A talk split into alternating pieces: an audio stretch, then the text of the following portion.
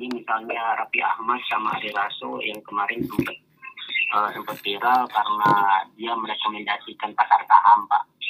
Iya. Uh, saya ingin menanyakan pendapat bapak tentang artis-artis ini yang merekomendasikan pasar saham dampak positif negatifnya gitu pak.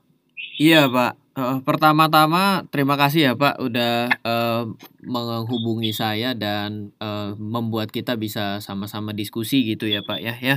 Yang pertama saya uh, untuk secara langsung uh, menonton daripada yang dimaksud uh, merekomendasikan dari uh, Raffi Ahmad dan juga Ari Lasso itu saya belum sempat tonton Pak. Tapi dalam kejadian-kejadian sebelumnya kan juga kita sudah menemukan ada uh, rekomendasi adalah suatu hal yang umum kita temui ya Pak ya. Iya Pak. Jadi uh, kita lihat ada misalnya informasi dari sekuritas juga setiap harinya ada rekomendasi, lalu ada pada berita-berita baik di surat kabar gitu ya, adalah kopi pagi, ada morning briefing dan lain sebagainya. Nah, se sepertama yang namanya uh, artis ataupun influencer ini ketika merekomendasikan secara tidak langsung kepada salah satu perusahaan yang TBK sehingga kan memberikan awareness kepada masyarakat bahwa oh ada yang namanya saham ya.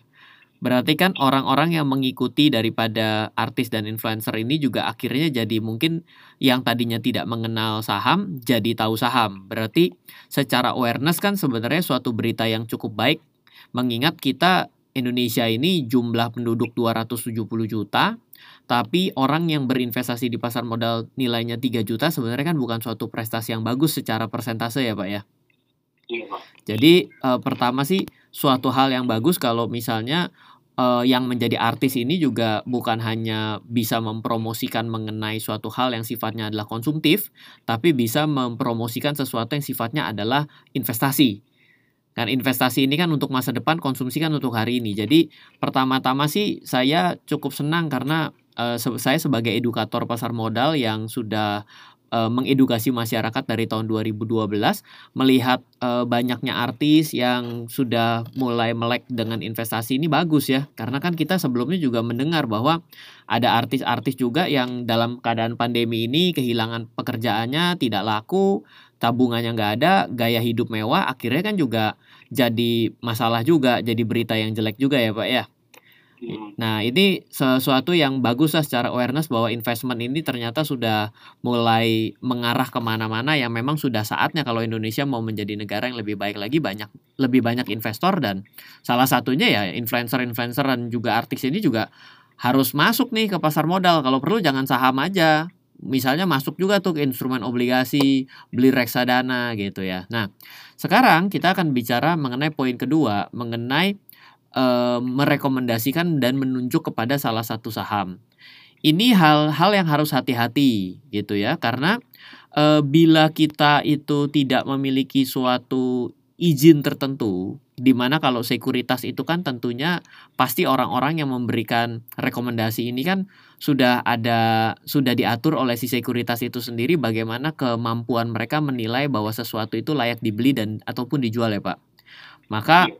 Berbeda bagi orang-orang awam yang tiba-tiba ikut-ikutan untuk merekomendasikan pembelian sebuah saham. Nah, ini yang harus hati-hati. Kenapa? Karena yang namanya barang investasi sama barang konsumtif ini beda. Kalau kita konsumtif itu ya selesai pada saat itu barangnya. Ya andaikan kita membeli dan ternyata tidak enak ya hanya sampai sebatas itu. Tapi kalau yang namanya investasi, investasi itu kan tidak bisa eh, tidak bisa hanya untuk hari ini tapi untuk masa depan. Dan semua orang itu yang namanya investasi itu pasti kepingin untung. Nggak ada orang iya, investasi kepingin rugi ya kan? Nah jadi ketika rugi dalam berinvestasi itu adalah sesuatu yang biasa loh. Yang biasa bisa terjadi bagi siapa pun. Bagi orang-orang yang awam yang tiba-tiba ujuk-ujuk membeli saham akibat suatu dorongan karena kepercayaan pada seseorang ini bisa mengakibatkan kapok kekapokan kepada saham itu sendiri. Jadi di satu sisi bagus orang jadi sadar mengenai saham, tapi ketika seseorang membeli saham dengan harapan hanya satu yaitu untung tanpa pernah sadar bahwa membeli saham itu bisa rugi, dia masuk, dia rugi maka orang rugi itu teriak lebih kencang daripada orang yang untung.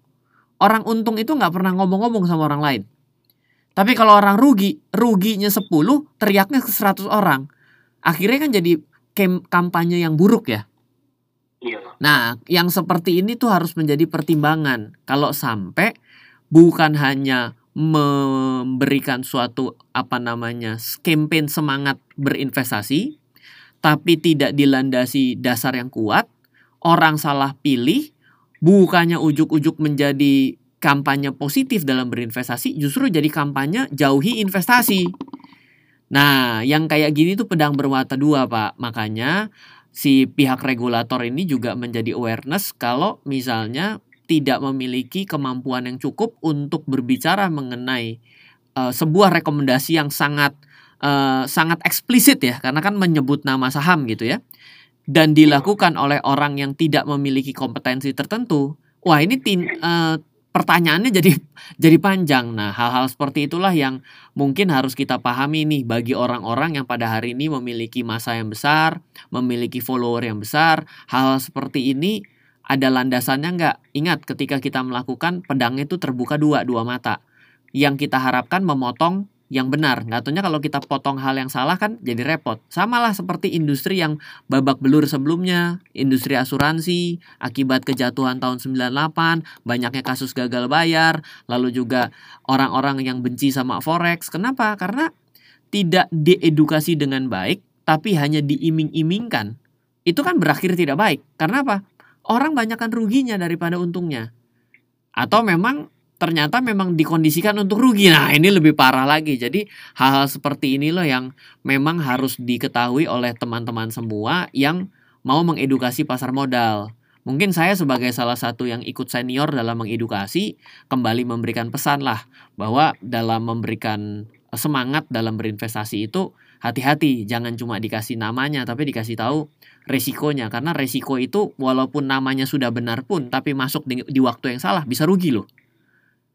Gitu. Itu kira-kira dari saya Pak pandangannya. Uh, kalau menurut Bapak tren pasar ke depan dalam pasar saham ini gimana Pak? Iya, jadi kenaikan yang saat ini terjadi itu kan boleh dibilang karena semangat ya. Kalau iya, kita perhatikan kan apa sih berita baik yang terjadi dalam lima bulan terakhir gitu atau tiga bulan terakhir? Oh iya pak, tingkat konsumsi sudah membaik, iya tapi belum pulih membaik itu kalau membaik dari sesuatu yang jatuh itu kan berarti suatu naik sedikit saja sudah dianggap suatu hal yang membaik. Yes betul, tapi belum pulih. Di tengah kondisi yang hari ini menjadi musuh bersama yaitu namanya pandemi, maka kita bisa lihat apa? pandeminya belum berakhir dan kita sorry to say kita dalam keadaan yang memburuk karena apa? Karena eh, penyebarannya menjadi sangat uh, out of control lah kalau menurut saya ya terlihat out of control karena kan uh, temuannya uh, tinggi ya. Jadi kondisi yang hari ini naik itu harus hati-hati nih karena kalau ternyata harapan-harapan ke depan yang tidak terwujud ini benar-benar tidak terjadi, maka akan siap-siap loh pasarnya bisa turun. Nah, ini yang menurut saya disebut dengan turbulensi. Jadi sama kayak naik pesawat, Pak, dalam sudut pandang saya dalam beberapa waktu dan apalagi untuk tahun 2021 ini dari eh, dari kenaikan dan juga proyeksi terkait dengan pasar modal kita. Oke, Baik Pak, terima kasih semuanya atas informasi yang Bapak berikan. Uh, semoga Bapak selalu diberikan kesehatan Amin. di pandemi ini. Iya Pak, sama-sama. Uh, sekali lagi terima kasih banyak ya. Pak. Iya. Selamat siang Pak. Oke, okay, thank you ya Pak. Oke, okay, yuk.